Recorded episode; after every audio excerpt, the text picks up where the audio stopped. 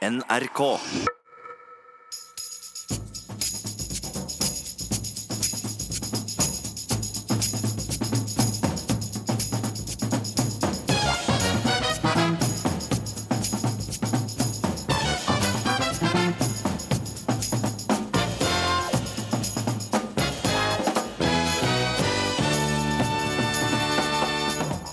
Verdens øyne er retta mot Norge denne helga når Nobels fredspris blir delt ut. Men her hjemme har vi vært mest opptatt av Carl I. Hagens nobeldrøm. Og nå sitter jeg her i ukeslutt.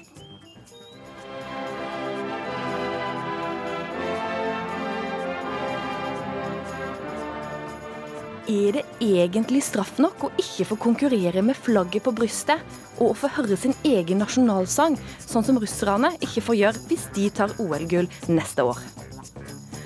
Og Wenche Foss ville fylt 100 år denne uka. Og hadde hun fortsatt vært blant oss, tror sønnen Fabian Stang at mora ville deltatt i kampanjen mot overgrep og sextrakassering.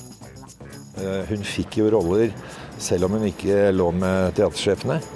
Eh, Men eh, det var allikevel episoder som eh, hun gjerne skulle vært foruten.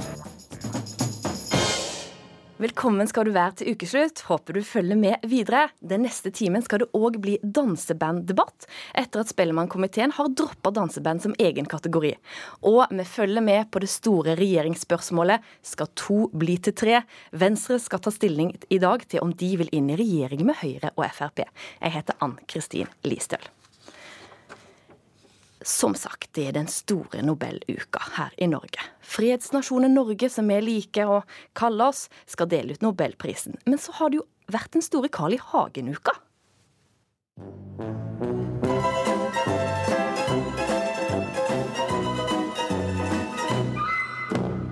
Det er egentlig en litt merkelig greie. Mye styr.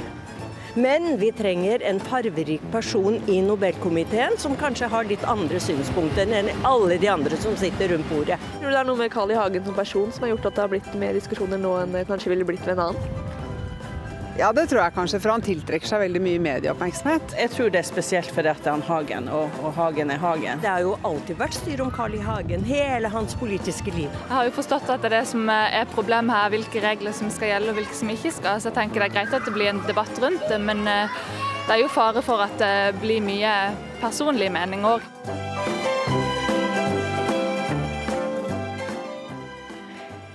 Carl I. Hagen ville sitte i Nobelkomiteen. Det ville òg Fremskrittspartiet at han skulle.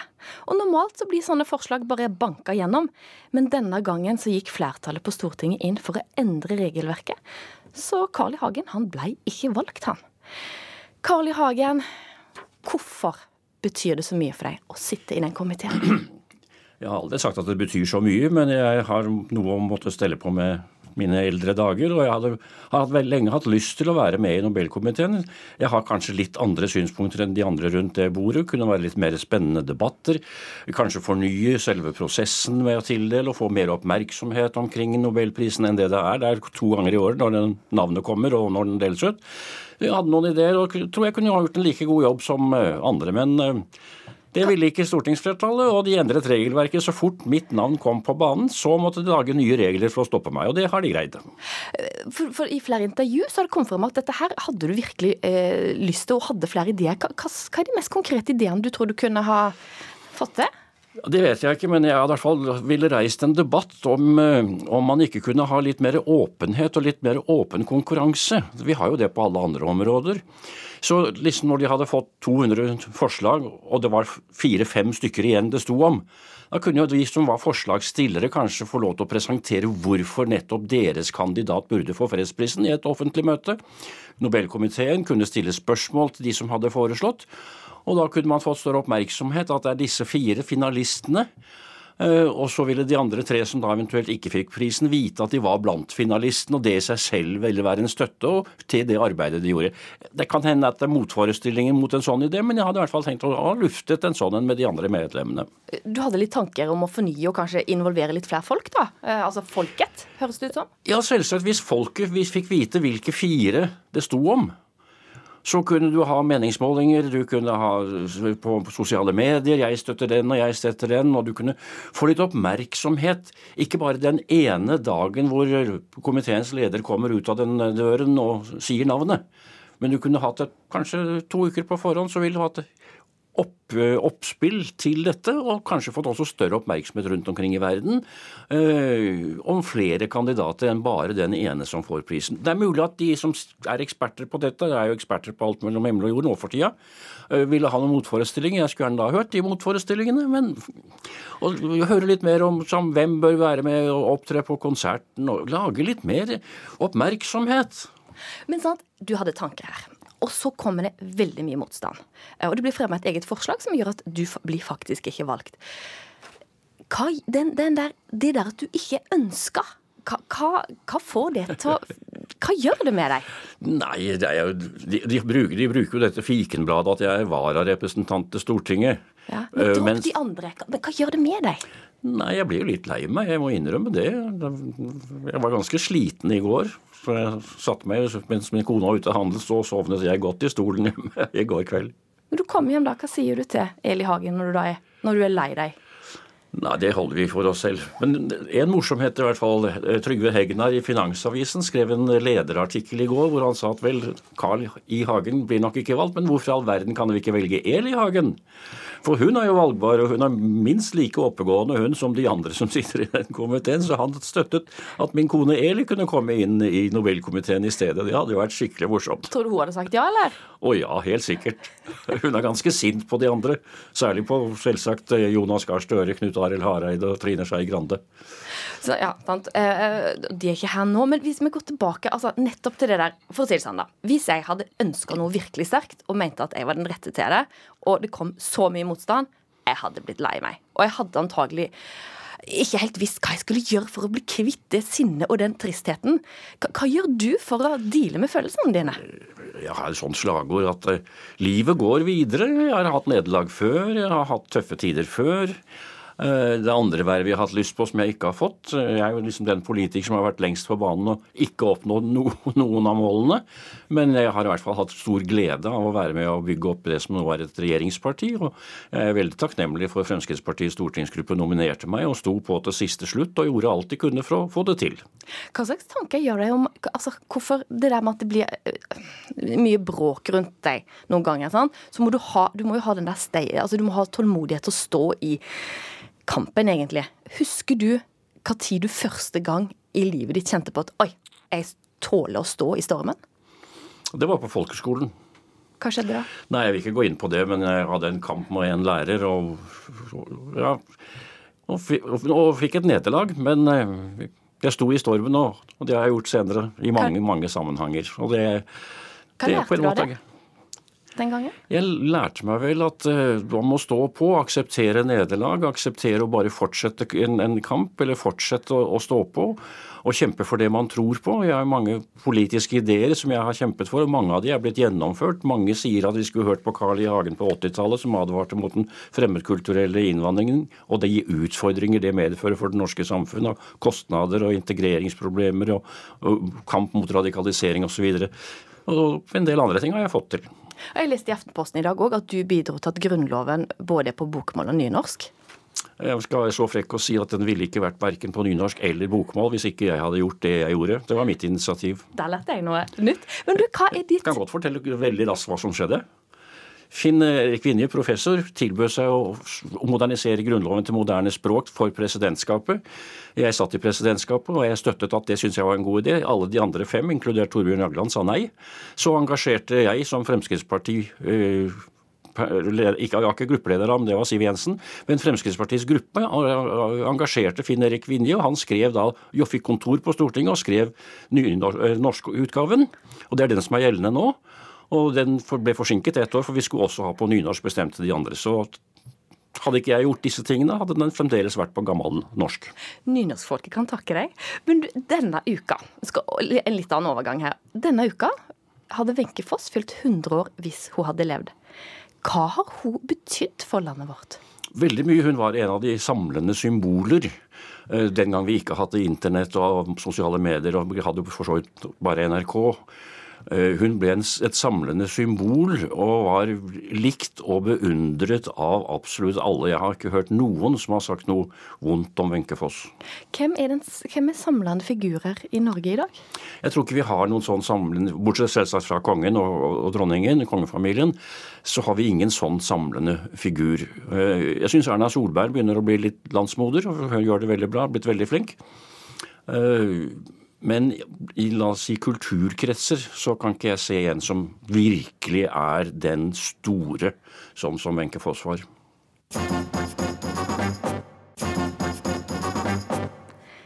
Hun ga ei stemme til de som trengte å bli, tørt, til, til å bli hørt. Det har blitt sagt om hele Norges Wenche Foss. Tirsdag denne uka, 5. desember, da hadde hun fylt 100 år om hun hadde levd. Wenche Foss hun tok opp saken for enkeltmennesker, enten det gjaldt Downs syndrom, brystkreft eller ei verna bedrift som mista dagpenger. Da dro hun like godt til ordføreren og sa klart ifra. Dette er orda til skuespiller Simon Andersen, som sjøl er kjent for sine parodier på nettopp hun. Aldri strikke livet, jenter. Begynner du med strikk i livet, nei, da er det kjørt, altså. For da mister du begrepet om midjen, vet du, og da aldri strikk i livet. Wenche Foss-imitator Simon Andersen advarer gjerne mot dårlig stil i selskapslivet. Og ikke flate sko heller, det er ikke så lurt, for da får du dårlig holdning, vet du. Du går jo ikke rundt på tøfler når du skal sjarmere en mann, vet du. Nei, nei, opp, opp, opp. Denne uka opptrådte Andersen som Wenche Foss igjen i anledning 100-årsjubileet for originalens fødsel. Og da måtte Andersen selvsagt kle seg deretter. Den her har jeg hatt med på bilde noen ganger, men da må jeg ha den med helt åpen rygg. For jeg har jo ikke kjangs til å få den på meg, selvfølgelig. Skuespilleren viser fram en lang, rosa selskapskjole i tyll og fjær et av flere antrekk han fikk av Wenche Foss. Det var litt søtt, fordi Wenche var jo veldig mye lavere enn meg og veldig mye tynnere. Så jeg kunne jo ikke bruke så veldig mye av det. Men eh, sko kunne jeg bruke, faktisk, for vi hadde samme skonummer. 41. Andersen begynte å parodiere Wenche Foss i Nitimen på 90-tallet. Og Wenche hadde jo ikke fått med seg dette her. Eh, men så sitter hun da i sminken på Nationaltheatret sammen med sminkøren sin Helge Bjørnå, og så har de Nitimen på i bakgrunnen. Og så hører hun seg selv på radioen, og så tror hun at det er seg selv. Så hun sier til Helge Gud, Helge, vet du, nei, nå har de vært i arkivene og klippet sammen noen gamle ting. Nei, dette er direkte pinlig, har jeg sagt noe så dumt? Og så kan jo da Helge si til henne at eh, det er ikke deg, skjønner du, det er en som heter Simon. Og det Wenche gjør da, det er at hun går bort til telefonen, så ringer hun opp i Nitime-redaksjonen, og så bare spontant arrangerer hun pressekonferanse på eh, Teaterkafeen. Nå skal Wenche møte Wenche. Pressekonferansen husker Andersen som et VM i å få oppmerksomhet, iblanda eksklusive småkaker og dyr sprudlevin. Seansen ble starten på et livslangt vennskap og samarbeid. Her er vi på Komiprisen sammen. For det var jo litt morsomt. Hun Etter en stund så begynte hun jo å spørre meg om jeg kunne være med henne på oppdrag. Og noen ganger så var det sånn at hvis ikke hun orka eller hadde lyst, så spurte hun kan ikke du ta det. og, det, eh, og, noen ganger så ble jeg spurt om å gjøre ting som henne, da, og så sier jeg nei, det passer seg ikke, nå må du spørre originalen. Det, det er litt bedre. Skal vi være dusekveld, skal vi ha en dusekveld, skal vi være skverkelig Wenche Foss dukka opp på scenen og i norsk offentlighet på midten av 30-tallet, og ble der livet ut.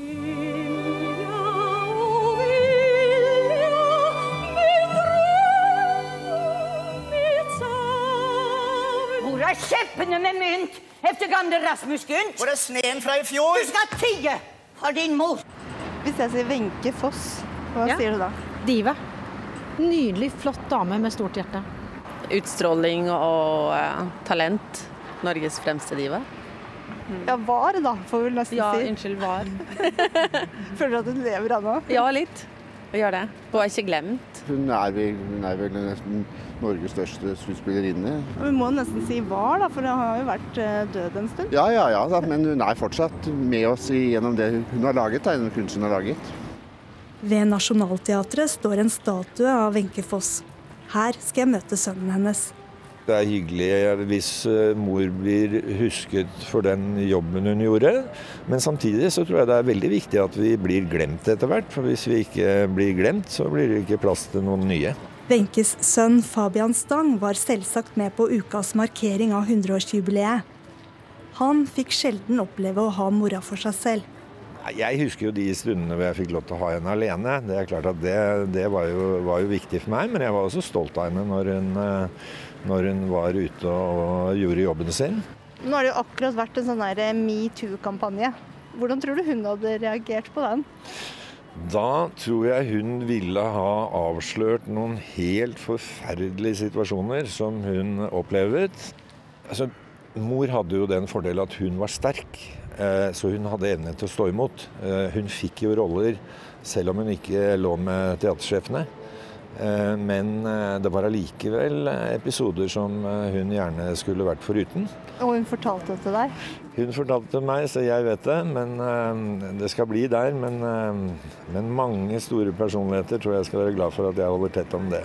Nei, den er ikke lett, den der. Den er ikke det. Skuespiller Simon Andersen fikk klar beskjed dersom det var noe ved parodien Wenche Foss ikke likte. Hun syntes at jeg gjorde en for kalvbeint. Jeg går ikke sånn, altså. Jeg gjør ikke det. Da hadde vi gåkurs på fortauet foran Hotell Continental, hvor jeg måtte gå fram og tilbake, fram og tilbake, mens hun gikk ved siden av, og så sa hun sånn Moi et toi, moi et toi. Nå kniper du rumpen, og så sier du moi et toi, moi et toi.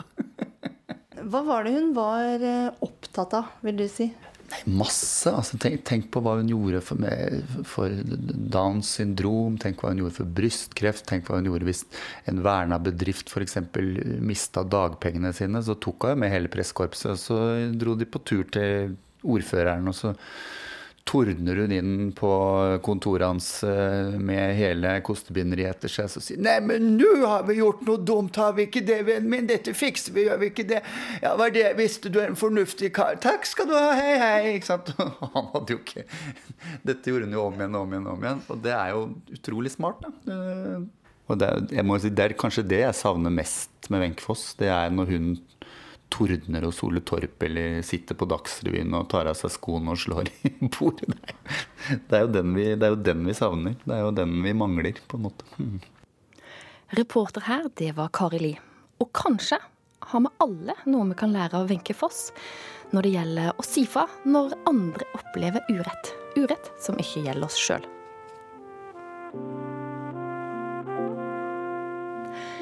Ole Ivars, Anne Nørsti, dansebandet og Skandinavia. Hva har de til felles? De har alle vunnet prisen for årets danseband under den årlige Spellemannprisen. Men det blir det slutt på, for Spellemann har like godt droppa danseband som egen kategori, og nå blir de trolig da slått sammen med country. Hør her hva William Christoffersen i Ole Ivars sier om hvor viktig denne kategorien har vært for de. Nei, så tjukk du har blitt. Vi var nominert da i 1996 og var på cruise med SS Norway i 1997. På kvelden da, så fikk vi vite at vi har fått prisen, og skulle spille på dekk på SS Norway. Og publikum syntes at vi låt atskillig bedre den kvelden enn vi gjorde kvelden før. Vi var så glade og happy for å ha fått Spellemannprisen. Det betydde veldig mye. Vi hadde kjempa for det lenge, og det var bare et kjempestort hurra når vi virkelig fikk vite at vi at vi har verdsatt like mye som alle andre som driver med musikk i Norge. At vi hadde en egen pris, vi også, som vi kunne strebe etter, alle som drev med dansebandmusikk. Og det å vinne den første for Ole Ivars, det var veldig stort. Ikke mere sukkertøy og ikke mere ladesleng, ikke gulrot opp meg. Marte Thorsby, du er styreleder i Spellemann. Du hører her hvor viktig dansebandkategorien har vært. Hvorfor vil du fjerne den? Nei, For det første har jeg lyst til å si at det er veldig hyggelig å høre at de syns det er viktig og stort å vinne Spellemann. Og det skal være viktig og stort å vinne Spellemann. Men hvorfor fjerne han? Nei, nå har vi sett gjennom mange år at dessverre det har vært få påmeldte i kategorien danseband. Dette er fjerde året på rad hvor det har vært under ti påmeldte. Og nå ser vi jo da at dette er jo ikke en forbigående trend, dessverre. Så vi tenkte og vurderte lenge og besluttet da til slutt i styret at vi fjerner den kategorien i år. Og putter den da inn sammen med country? Nei, her er en viktig presisering. For det er ikke noe sammenslåing av danseband og country. Country er en eksisterende eh, klasse, som kommer til å forbli en egen klasse. Men de påmeldte i danseband, de fikk da muligheten til å bli påmeldt i country når vi valgte å legge ned klassen danseband nå inntil videre. Sant? Så dansebanda kan nominere da, og komme i country-kategorien. Og Ottar Jakob Johansen, kanskje bedre kjent som Ottar Big Hand Johansen. Countryartist, men òg leder i Norsk Amerikanerforum. Ja, hvis Ole da skulle blitt årets countryartist, hva Ja. sier du? Nei, det, det, det sier seg sjøl. Jeg behøver ikke si noe på det. Jo, det må du for alle som altså, ikke skjønner både, det. både publikum, fansen vår og alle som liker kvantemusikk, vil jo si at dette er riv ruskende galt. Hvorfor? Og det vil jo være. Fordi at Ole Ivars er et danseband. så Den type har vært egen sjanger i mange år. De har vunnet flere spill, Spellemannpriser innen sin sjanger. Og, eh, så det vil jo være helt feil. Vil, nå sitter Marte Thorsby her, du kan se henne rett i øynene. Hva vil du si til henne? Hva vil du si til henne? Jo, jeg vil si til henne, må si at vi er veldig gode venner, og jeg har stor respekt for den jobben som Marte og, og andre gjør. og Jeg er glad i Spellemann. Jeg har sjøl noen priser på hylla. Men, eh, men akkurat det her syns jeg blir litt gærent, da. Og eh, det har vi jo diskutert litt. eh, Jeg syns jo at countryklassen må få være der ren og pen som de er. Og jeg syns at det er jo også urettferdig for danseband at de skal konkurrere i countryklassen. Syns jeg ikke er på sin plass. Så jeg, jeg har jo for, jeg, jeg kan tenke meg å foreslå at enten hvis det ikke er nok eh, produksjoner i, eh, i dansebandkassen, dansebandklassen, så får man enten så må man utelate det det året. eh, Oppfordre til mer produksjon. Eller så får man sende inn i en annen klasse, type åpen klasse, eller det som heter pop er jo popmusikk er jo Pop kommer fra popmusikk. Og det er stort, eh, et, en stor sjanger. Ja, Marte Thorsby, du hører det faller ikke helt i god jord at eh, country skal ta imot danseband. Det er jo ikke helt like. Hva, hva Nei, de er ikke helt like. Eh, nå, eh, i, nå i Spellemann eh, 2017, som da blir delt ut 25.2.2018, så har vi nå 16 sjangerkategorier. Eh, etter at vi da har tatt danseband ut fordi at det var for få påmeldte. Med åtte påmeldte, og så skal det være fire nominerte, da blir det jo en 50% sjanse for å bli nominert. Og vi mener jo at Spellemann skal henge veldig, veldig høyt. Nettopp fordi vi ønsker å verdsette artistene, og vi, de, særlig de artistene som da har utmerket seg ekstra i året som har gått. De fleste andre klasser har 20, 30, 40, opptil 70, 80 nominerte, og da mente vi at en klasse med åtte Nei, unnskyld, ikke nominerte, men påmeldte. Og en klasse med åtte påmeldte er for liten. Ja, Og etter å ha vurdert det, så måtte vi jo finne ut hva, hva gjør vi med disse påmeldingene. For vi ønsker jo ikke Ingen skal nektes å melde seg på til Spellemann, men vi må jo da plassere utgivelsene der de best hører hjemme.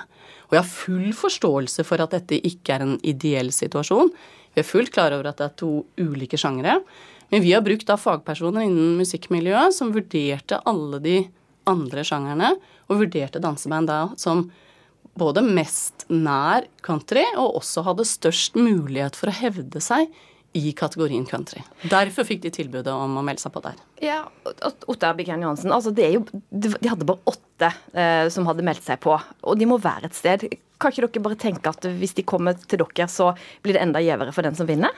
Nei, jeg syns ikke det. Jeg syns det eh, det, blir det er ikke riktig, vet du. Og det, altså, man må ha litt eh, kompetanse på, på, på sjangeren, ikke sant? Helt på sjangerne.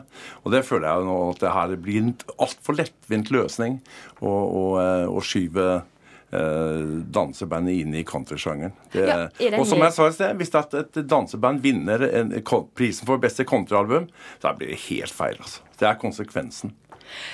Ja, Torsby, altså, Er det nedvurdering av country og danseband som sjanger, når det bare ja, de kan bare være sammen? Nei, på ingen måte. Og det ønsker vi ikke. Men når det folk kompet... opp- Men når folk opplever det som at Ja, det men det er ulike oppfatninger, for vi har jo da konferert med mange i miljøet. Vi har jo snakket med jurymedlemmene som var valgt ut i kategorien danseband.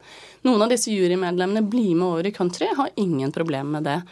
Av de åtte påmeldte i eh, kategorien da danseband som ikke fins lenger, de seks av utgivelsene. Syns det er helt fint å bli med over i Jo, jeg, jeg må jo få lov å kommentere det og si at de, de jurymedlemmene som er i Dansemeir, som har sagt at det er, Inge, det er uproblematisk, da, da tør jeg kanskje påstå at de ikke har eh, den rette kompetansen til å vurdere det. Jeg sier ikke at de sier at det er uproblematisk, men de forstår at åtte påmeldinger er for lite til å opprettholde en kategori, og de syns det var helt fint da at det var country som ble den kategorien som ble valgt ut, hvor de kunne eh, da melde seg på hvis de ønsket det. Men sant, når det er for få påmeldte altså, eh, For det, dette handler om at CD-salget ikke er så vanlig, og nå kan du begynne å sende inn type, noen spillelister. Mm. Kunne dere som eh, Spellemannkomité gjort litt mer for å fått inn flere bidrag fra danseband? Vet du hva jeg ønsker nå? Jeg håper jo at dette trigger dansebandmiljøet til å komme enda flere utgivelser, så vi har flere påmeldinger i de årene som kommer.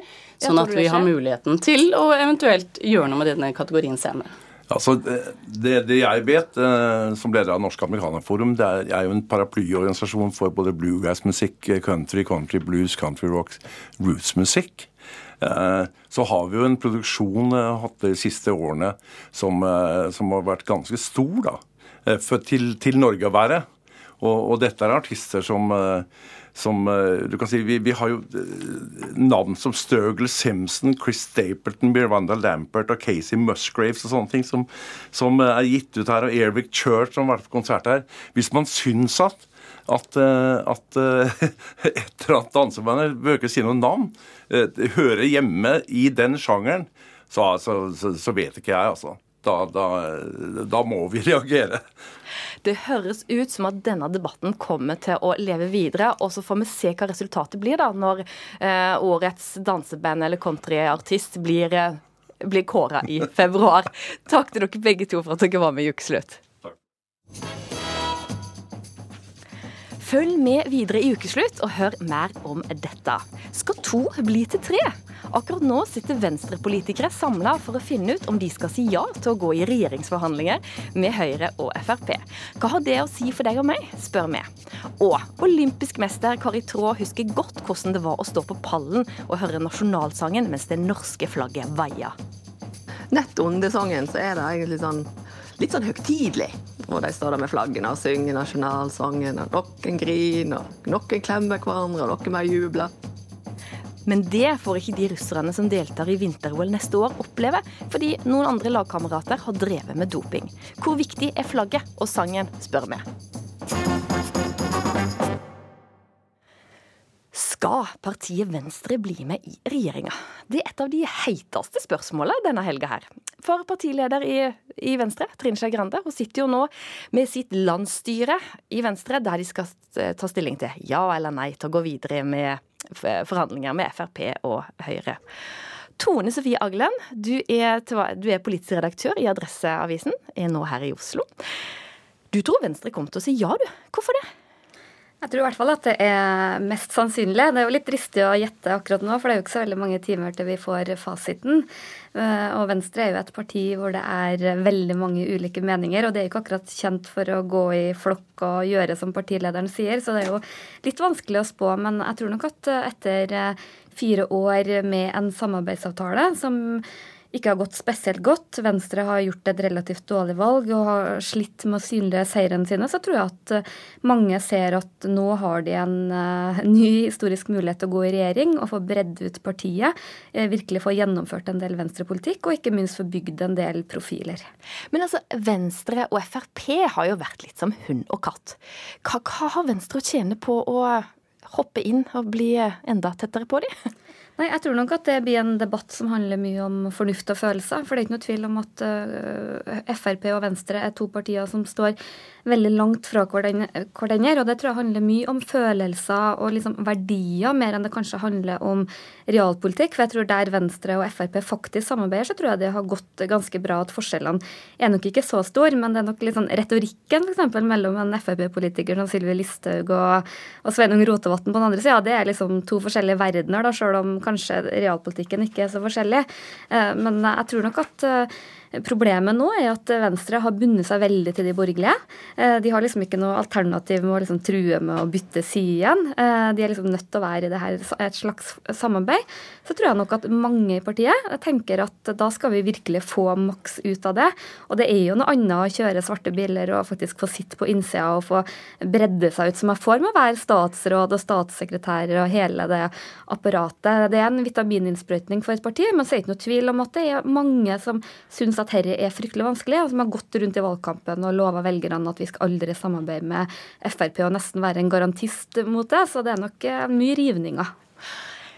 Mye følelser, sånn som du òg nevnte her. Vi skal slippe til Erling Moe, som er kommunalråd i Trondheim. Eh, fra partiet Venstre. Til Aftenposten denne uka så sa du for meg er det helt surrealistisk at vi nå plutselig skal samarbeide med Frp i regjering. Og du minte da om at samarbeidet med Frp var svært omstridt i Venstre for bare ett år siden. Hvordan har du det akkurat nå? Nei, Jeg er jo lettere avventende, kan vi si. Eh, jeg tror som eh, Tone Sofie Aglen at det er størst sannsynlig at eh, at landsstyret Venstre i dag beslutter at vi skal gå i forhandlinger.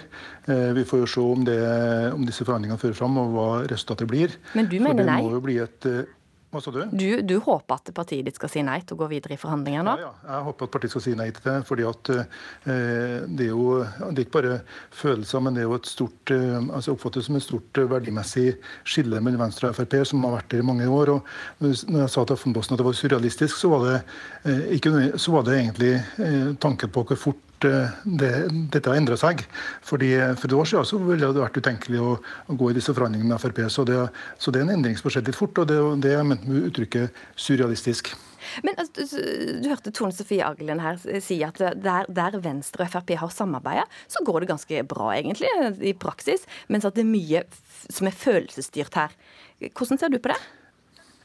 Nei, det, altså, Der det har gått bra, da tenker jeg sikkert daglig på de kommuner og fylker hvor samarbeider med Frp. og Det er jo veldig stor forskjell på å samarbeide i en kommune og i kommunestyre og sitte i regjering sammen. Sitter du i regjering sammen, så er du en del av et kollegium, og du skal stå sammen om alle avgjørelser avgjørelser, ikke bare de departementet som ditt eget parti har, men i alle andre departementer også.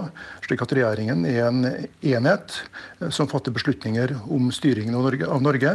Så det er et helt annet nivå og helt annet krav å sitte i regjering enn å sitte i kommunestyret. Slik at eh, forskjellen blir veldig stor. og eh, Jeg, jeg syns det vil være eh, ganske utfordrende for Venstre å kunne enes med den politikken som f.eks.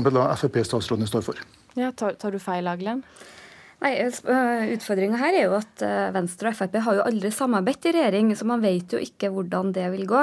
Og Hvis vi ser på Høyre og Frp, så trodde jo også mange at det skulle bli veldig vanskelig, men de har, jeg tror de har fått det til veldig godt i det dag-til-dag-samarbeidet. Og det er jo det jeg i hvert fall hører fra Stortinget, at eh, samarbeid i komiteer og sånn har gått ganske godt med Frp og Venstre. Så, men det er jo en risiko å ta, det er jo helt åpenbart. Da skal dere to få det samme spørsmålet til slutt. For folk flest, da, for lytterne og for meg. Hva, hvordan vil vi merke det hvis eh, Venstre kommer inn i regjering og skifter ut noen statsråder fra Høyre og Frp? Aglen først.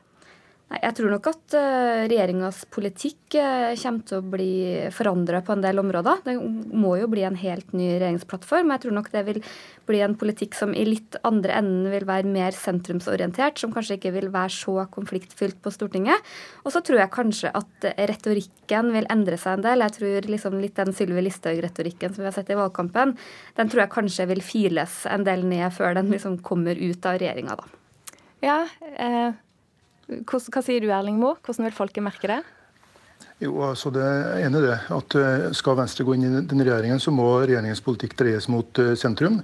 Eh, vi må få statsråder som er synlige på våre kjerneområder, som miljøvern, kultur kanskje, skole, utdanning. Det som er viktige venstresaker. Eh, og så er det helt åpenbart at eh, det kan, det kan, ikke være mulig for Venstre å sitte i en regjering med en sånn eh, retorikk som enkelte Frp-statsråder står for. Det regner med Erna Solberg har tenkt nøye gjennom. Hvis du da har gitt en, vært enig med Trine Skei Grande om en videre framdrift, så regner jeg med at det er en del av pakken. Og Tror du da at Trine Skei Grande kommer til å bli kunnskapsminister? Jeg vil ikke spekulere i poster, men det er klart at for, for Venstre så er om, jeg tror? Ja. Eh, jeg tror at det er en eh, viss sjanse for det. det var siste ord, da. Erling Moe tror kommunalråd i Trondheim tror Trine Skei Grande blir kunnskapsminister hvis de går inn i regjering med Høyre og Frp. Takk til deg, og takk til deg, Tone Sofie Aglen, politisk redaktør i Adresseavisen.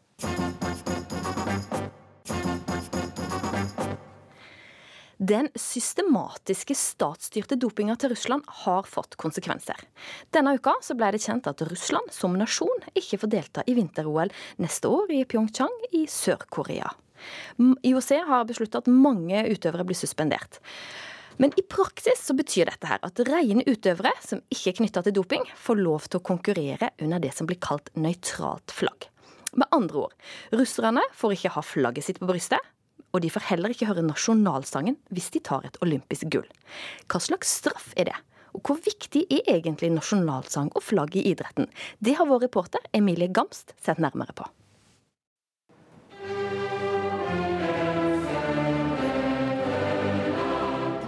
Selvsagt husker jeg det godt. Jeg har vært vant til å stå på pallen før, men det er en sånn ekstra greie når det er OL.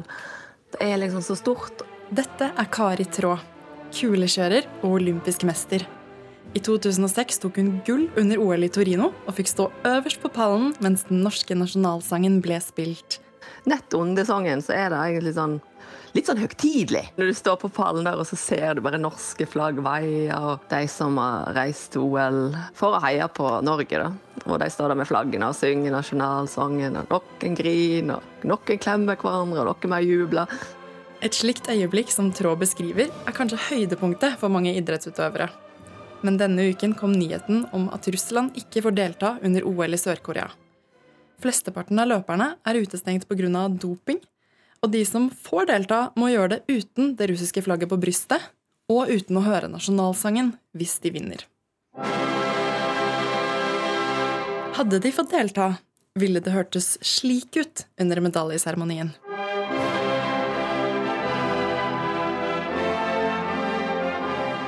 Musiker Alex Marshall plasserte denne på toppen av BBCs liste over verdens ti vakreste nasjonalsanger, og omtalte den som en sang så kraftig som en hær som marsjerer over steppen.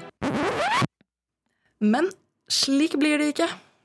I stedet må de høre denne. Den olympiske hymnen.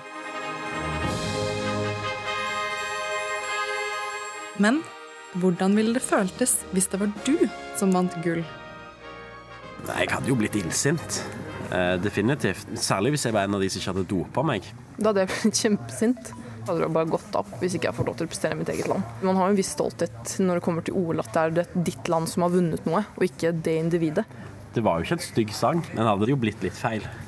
Folk er tydelig stolte av nasjonalsangen vår her i Norge, men hva med flagget?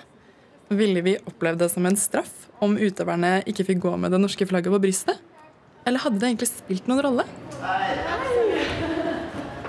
Svaret er ja. I 2008 besluttet nemlig Fotballforbundet, helt frivillig, at landslaget ikke skulle ha flagget på drakta, men i stedet en drage. Begrunnelsen var at man ville bygge identitet rundt et eget landslagssymbol som var inspirert av vikingtiden. Men draktene ble alt annet enn godt mottatt. Ja, Den dragen var jo en, uh, si den perfekte stormen. Roger Solheim var informasjonssjef i Fotballforbundet på denne tiden. Og han husker godt reaksjonene fra den gang. Folk ringte og sendte e-poster, og det var sinne. Det var uh, frustrasjon. Et, et engasjement som jeg nesten ikke kan huske å ha sett i noen andre typer saker. Men det var først da kulturministeren selv kom på banen at han forsto omfanget av saken. Da jeg skjønte at det her var, var, svært, det var jo da VG brukte mange sider på saken. Hvor de hadde intervjua bl.a. kulturministeren, som den gang var Trond Giske, som sa at dette var ei usedvanlig dum beslutning av, eh, av Norges Fotballforbund. Eh, underforstått at han kanskje mente at eh, Fotballforbundet gjerne tok dumme beslutninger, men at dette var ei usedvanlig dum beslutning. Solheim er overbevist om at russerne opplever avgjørelsen om å konkurrere uten nasjonalsang og flagg som en straff. Ja, Absolutt. Altså for hele det russiske folk da, som, eh, som vil gå glipp av eh, at man spiller nasjonalsang og, og heiser det russiske flagget, så vil det bli veldig stusslig. Eh, og selvfølgelig også for utøverne, som da ikke får oppleve kanskje noe av det sterkeste emosjonelle uttrykket man kan få i, i idretten. Det store øyeblikket blir kanskje litt annerledes hvis en russer tar gull i OL. Men kanskje kan omstendighetene føre med seg noe godt også? Glemt blir de nok aldri, tror Kari Traa. Det, det, den blir jo huksa, den iallfall, for å si det sånn. Det. Dette OL for russerne som står på pallen på toppen, vil iallfall vil iallfall eh, bli banka inn i historien. Sånn sett så kanskje den blir huksa enda mer.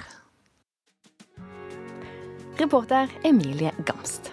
I morgen blir fredsprisen delt ut. På vei inn i studio i den norske versjonen av fredsprisvinneren. Men før det Emmylou og First Aid Kit.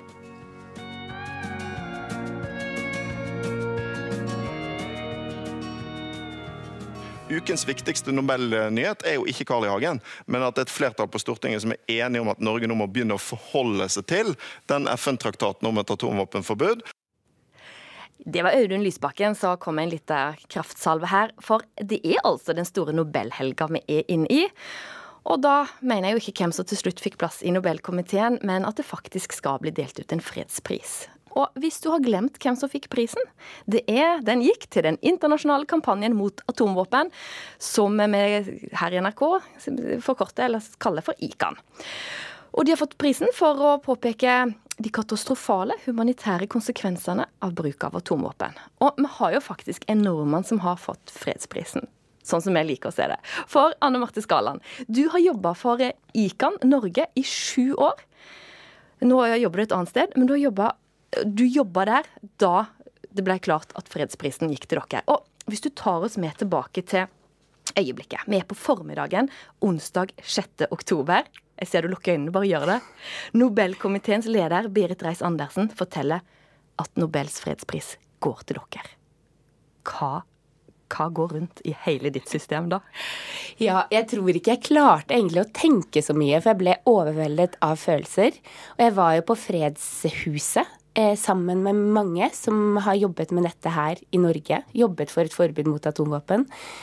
Og jeg bare begynte å klemme de som sto rundt meg, og det ble en enorm gruppeklem. Og så begynte jeg å gråte, og så tenkte jeg nå må jeg slutte å gråte, begynne å tenke og gjøre jobben min. Så da tok jeg den første telefonen som ringte, og plutselig var jeg direkte på NRK. Så Og hva var det første spørsmålet du fikk? Det var nok hva jeg følte og Ja, det, det samme som du spurte nå. Ja. Der sto du med gråten i halsen. men du, altså, du har jobba i sju år med dette her, men så opphørte pengestøtten, så dermed mm. kunne ikke du fortsette i ICAN eh, i Norge. Eh, så du fant deg en annen eh, jobb nå i høst, og er i Kirkens Nødhjelp. Men Hvorfor begynte du i det hele tatt å bry deg om atomvåpen? Mm. Eh, det var ganske tilfeldig, egentlig. Jeg ble med på en sykkeltur mot atomvåpen i Belgia. Ti dager syklet vi med ungdommer, eller unge folk fra hele Europa.